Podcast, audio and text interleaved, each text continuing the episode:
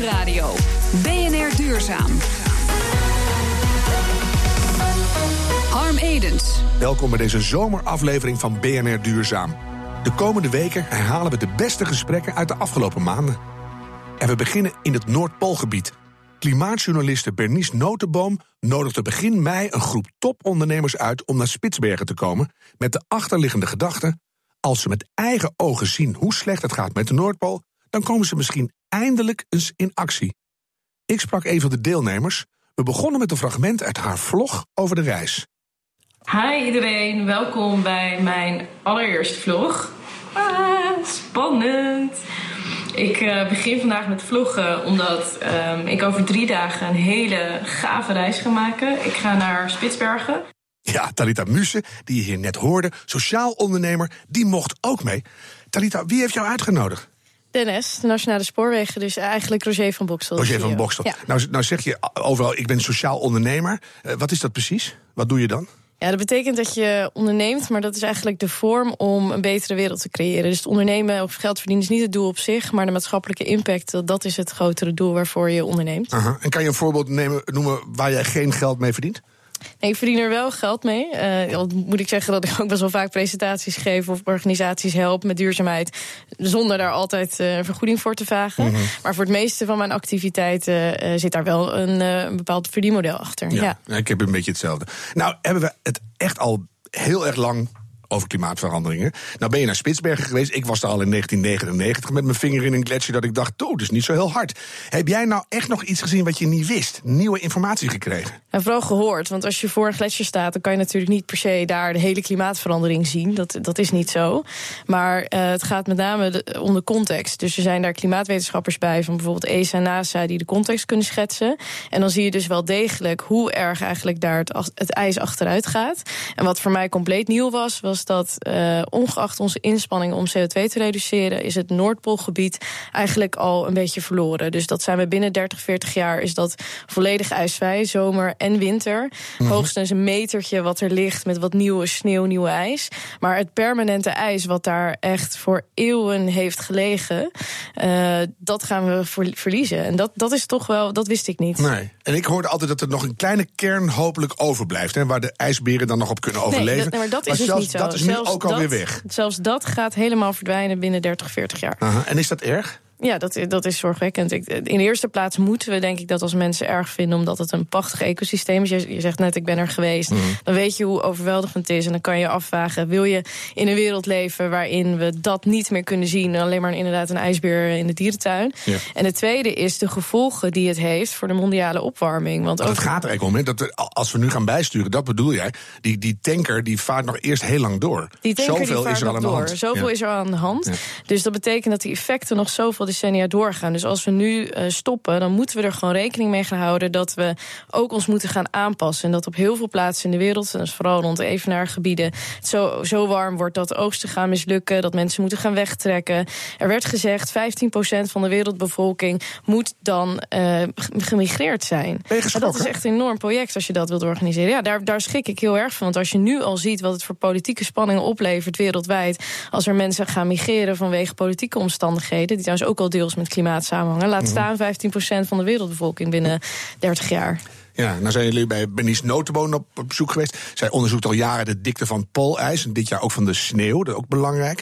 Hoe zagen jullie dagen eruit? Lange, zware tochten, sneeuwstormen, aanvallende ijsberen. Ja, we waren op een prachtige zeilboot. Dus het op zich viel het wel mee qua onwijze spanning. We hadden mooie, mooie voorzieningen. Maar Vijf sterren onderzoek. Nou, dat ook weer niet. We zaten wel met elkaar in, eh, in kleine hutten. Met de CEO's ook gewoon. eh, we moesten het daar ook mee doen. Mhm. Eh, en s'avonds een prakkie. Maar eh, nee, je hebt excursies overdag. Waarbij je tochten maakt, inderdaad, door de sneeuw. Dat is fysiek, eh, nou, dat is fysiek redelijk intensief.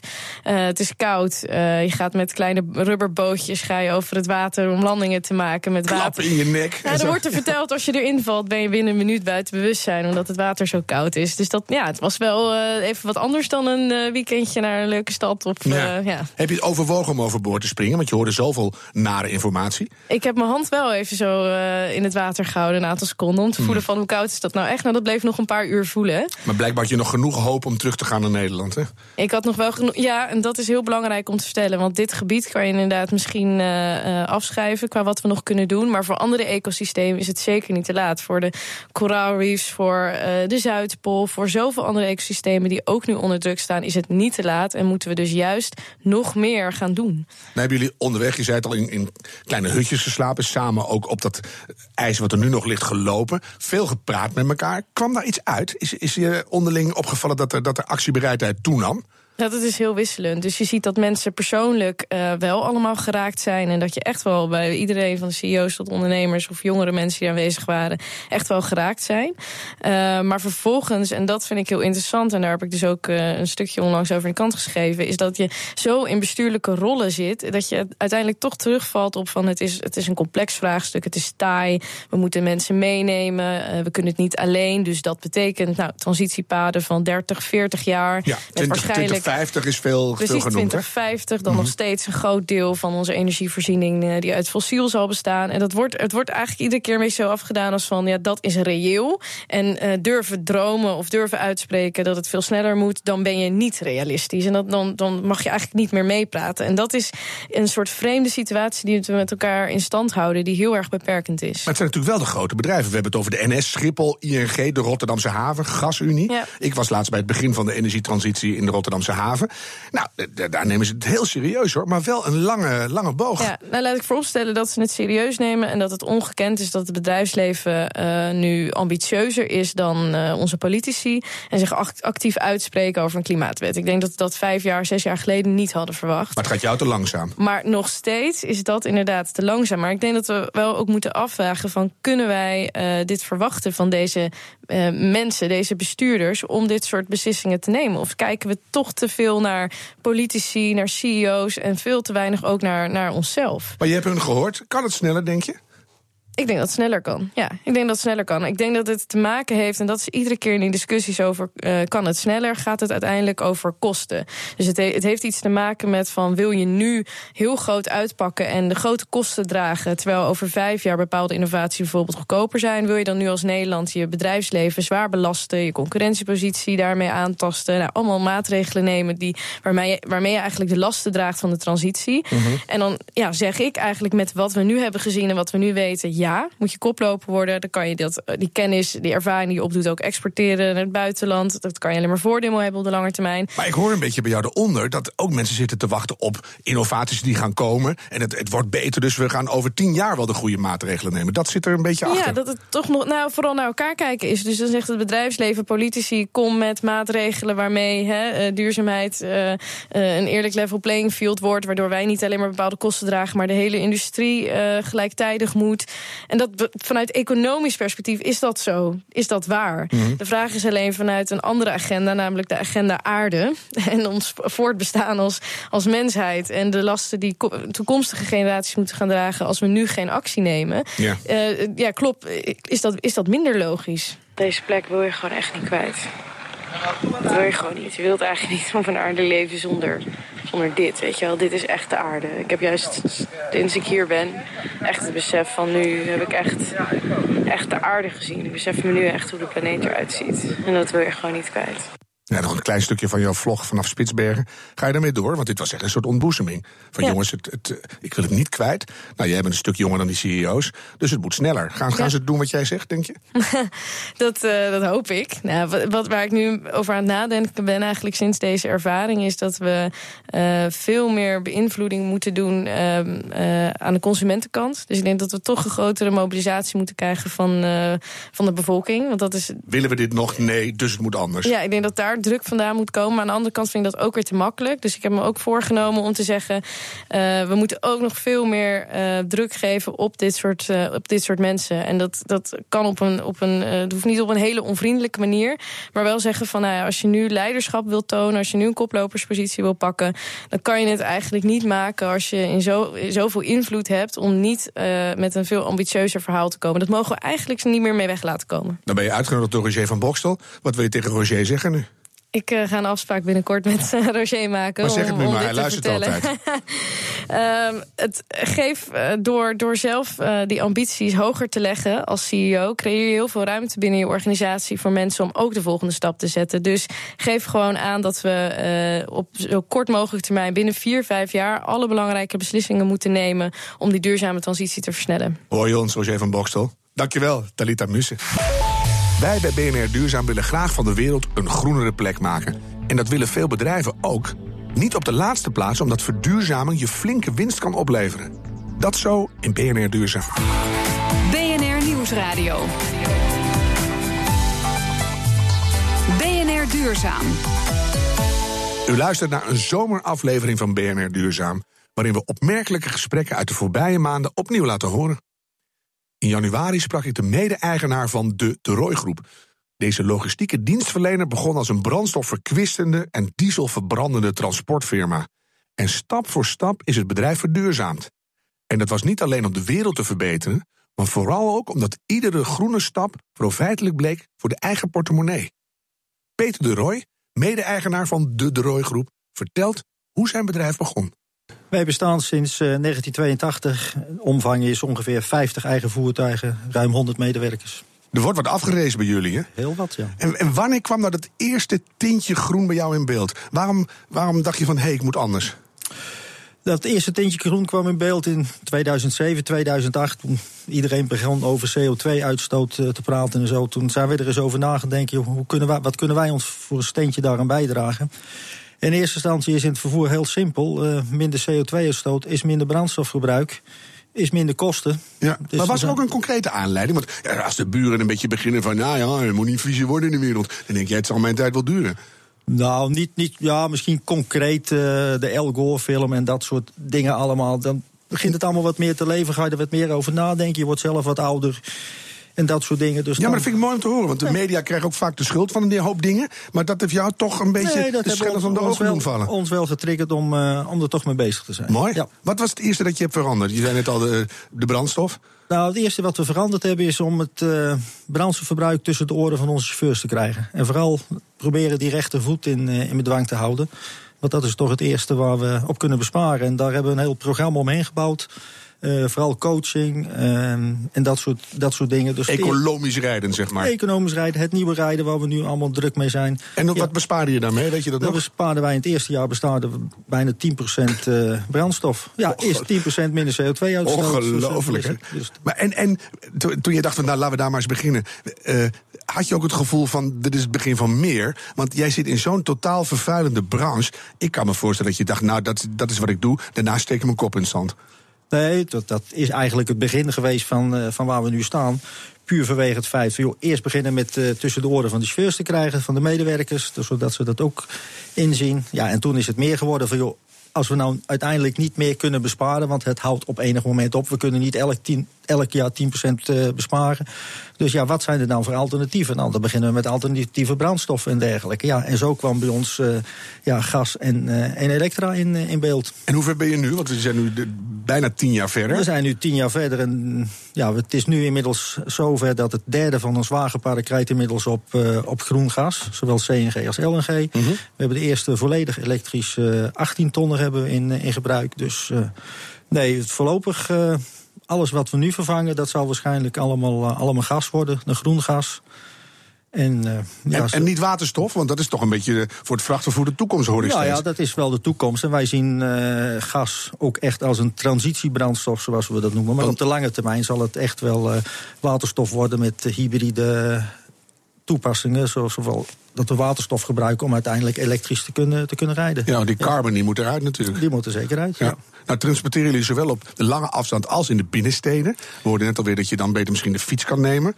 We hebben in jullie geval een hele grote fietsen, denk ik. Nee, maar kijk, die club die dan toevallig, uh, daar zijn we ook inderdaad in mee in gesprek om te kijken, joh, wat, wat kunnen wij betekenen? Wij zijn een vervoerder die meer het pallets en het grote werk doen. En ja, de pakketten die we doen, zouden we kunnen uitbesteden ja. aan, aan fietscouriers. Omdat we gewoon verder in, in de keten kijken. We werken ook al in met de club samen met twaalf vervoerders in Nederland. Zodat wij als vervoerder die Midden-Nederland doen... met één elektrische vrachtauto die stad in gaan. En niet zoals vroeger, twaalf vrachtauto's die stad in... om dat ene pelletje weg te brengen. Dus samenwerking in de keten is ook heel belangrijk en dat is ook duurzaam. Ja, dus dat is de keten. Als je naar jouw hele bedrijfsvoering kijkt... wat heb je dan de afgelopen tien jaar verder verduurzaamd? Dat kan op allerlei niveaus zitten. Dat je een duurzamere koffiejuft hebt met minder uitstoot. Maar waar zit het hem in? Nou, dat zit in eerste instantie in het, uh, in het nieuwe rijden. Dat zit in zonnepanelen, dat zit in ledverlichting. Uh, ja, je kan dus gek.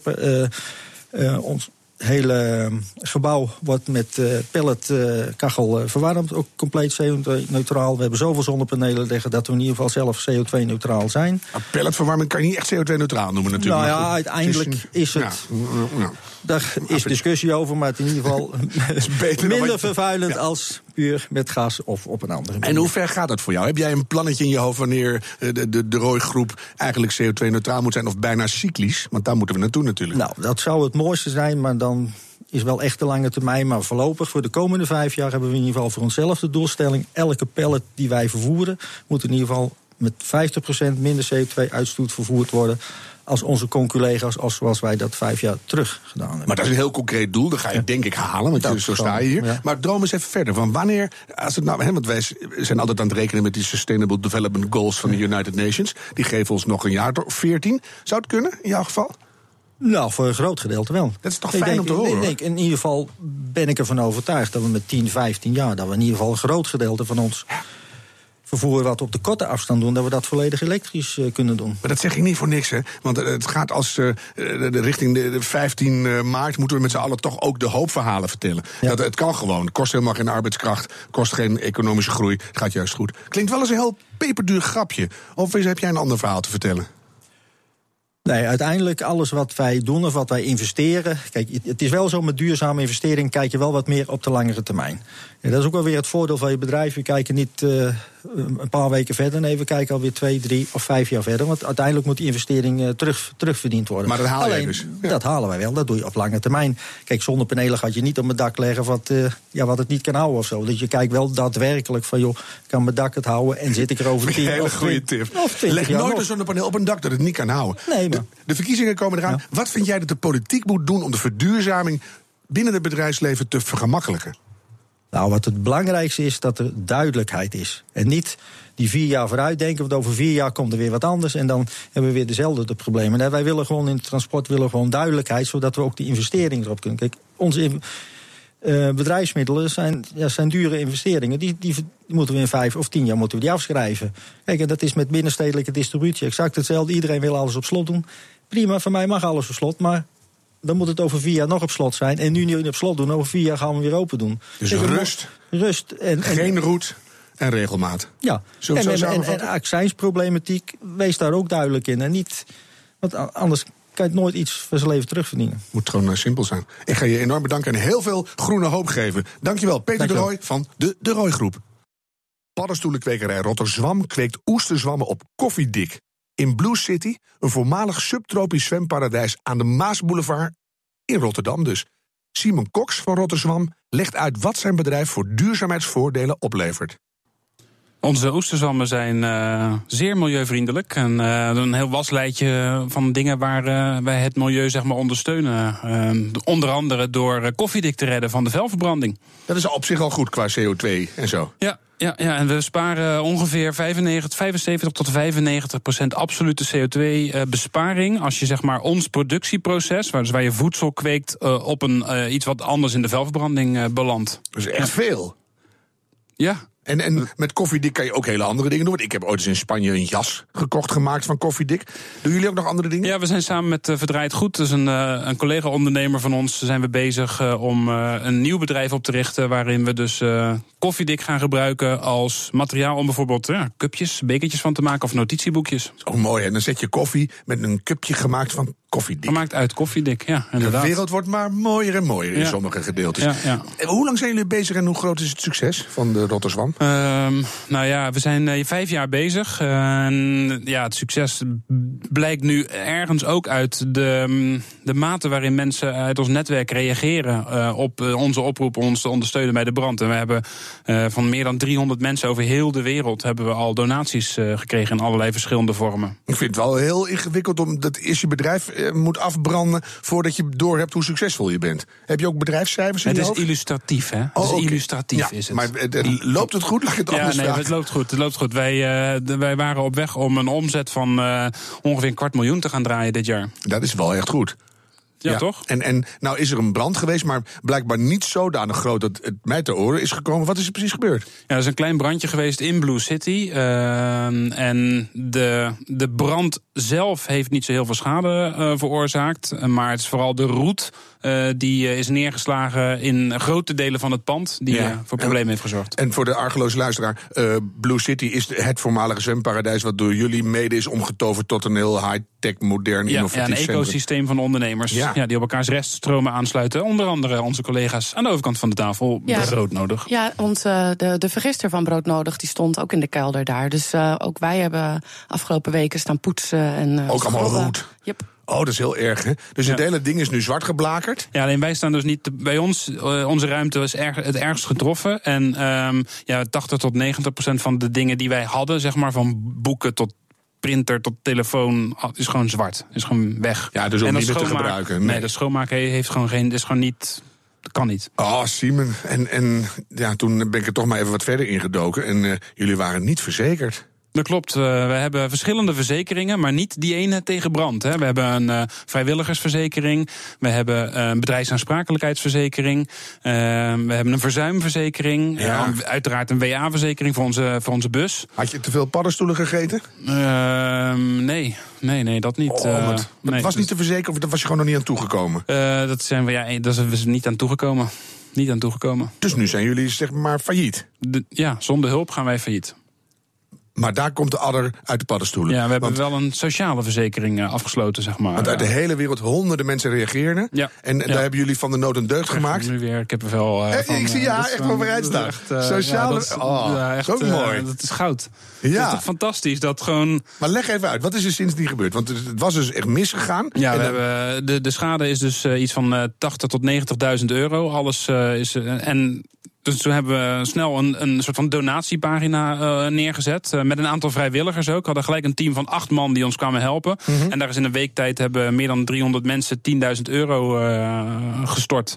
En dat is een vijfde van het bedrag dat we nodig hebben om door te kunnen starten. En om Rotterdam 2.0 te kunnen gaan beginnen. Ja, en in, in, dat, in, in 1.0 zat geen schuld meer. Dat was gewoon neutraal goed. En dus met 80 mil ben je uit de brand. Oh, letterlijk. Ja, ja. Ja. ja. En dat gaat lukken, denk je. Ja, nou, dat weet ik zeker. Daar zijn wij heilig van overtuigd. Want wij zeggen, wij willen ook niet. Hè, nu, donaties helpt ons om in ieder geval de komende maand de lonen uit te betalen. Mhm. We kunnen nu daardoor ook weer de productie van GrowKids eh, gaan opstarten. Maar we willen er zoveel mogelijk ondernemend uitkomen. Dus Ja. dat betekent dat we allerlei acties eh, gaan eh, opzetten. waarin we dus ondernemend. dus we willen bijvoorbeeld van collega oesterzwammenkwekers zwammen gaan verkopen in de stad. Even tussendoor, tot je weer aan het produceren Nee, bent. gewoon nee, dat we gewoon met. En dat is ook weer het netwerk. Weet je. Eh, eh, ons netwerk eh, kan ons daarbij ondersteunen om een actie op te zetten. om 3.000 tot 5.000 kilo zwammen te gaan verkopen in één dag of in een weekend. En op die manier ook weer geld. En geld binnen te halen. Nou noemde je net al Rotterdam 2.0. Mhm. Klinkt op een gekke manier ook wel handig. Dat je denkt, nou, het bedrijf loopt, kinderziekten zijn eruit. Nou, ja, van de nood en deugd. we kunnen lekker opnieuw beginnen op een hele nieuwe manier. Ja, je kan wel processen achter je laten die je anders, waar je anders mee was doorgegaan. Noem er nog eens één, bijvoorbeeld. Wat ga je Nou, anders doen? eh, we hadden bijvoorbeeld eh, de, de zakken eh, die hingen aan die rode haakjes uit het zwembad. En dat was allemaal hartstikke leuk. Dat je, vond iedereen schitterend. Al die mensen die kwamen, oh, de, die, zelfs de haakjes Vroeger hing ik daar, nu- zelfs de nu de haakjes zakken. zijn hergebruikt. Maar dat, dat gaf een luchtzak in de, dat een luchtbel in de zak. En daar vormden zich zwammen in de zak. En dat was eigenlijk productietechnisch gezien helemaal niet handig. Dus Nee. dat kunnen we nu Eindelijk even die rothaken eindelijk die Ja, precies. piep? Ja, ja. Maar jullie gaan verder, begreep ik. Want je Ja. gaat ook helemaal uit Blue City weg. Dat lijkt me wel een aderlating. Nee, niet helemaal. Nee, we blijven. eh, we staan aan de basis eh, van het idee achter eh, Blue City. Mhm. En wij willen ook niet weg uit Blue City. Maar het idee van Blue City is wel altijd geweest dat succesvolle ondernemers elders opschalen. En dat is iets wat we dus nu ook in de praktijk gaan brengen. Je gaat groter worden bij 2.0. We gaan veel groter worden. Ja, onze zwammenproductie willen we gaan vervijfvoudigen. Fijn. Nou, alleen maar oesterzwammen of komen er ook andere zwammen bij? Nou ja, nee, vooral oesterzwammen. Dat zijn onze favoriete zwammen. Ja, en, en dat, die zoekt dus nu een nieuwe locatie Ja. met iets van charisma, want dat had die oude plek natuurlijk heel erg. Ja, een mooie grote eh, loods, dat denken wij aan. ehm, waar eh, we in ieder geval ehm, acht eh, grote containers neer kunnen zetten om het kweekproces in te gaan doen. Want Ja. we gaan kweken in containers. Ah, en heb je al iets op het oog? Eh, nee, dat is, we zijn nu nog, we zitten nog midden in de schadeafhandeling. En we hebben net sinds een week weer wifi. Dus weet je, dat soort dingen Ja, allemaal. maar daarom zijn we ook hier. We hebben ook een heel groot netwerk. Er zijn vast mensen met een oude loods die heel leuk is in de, Nou in ja, de buurt van nog, Rotterdam, als er toch? nog mensen zijn met een oude loods in Rotterdam. Mag dan, het ook eh, Amsterdam zijn?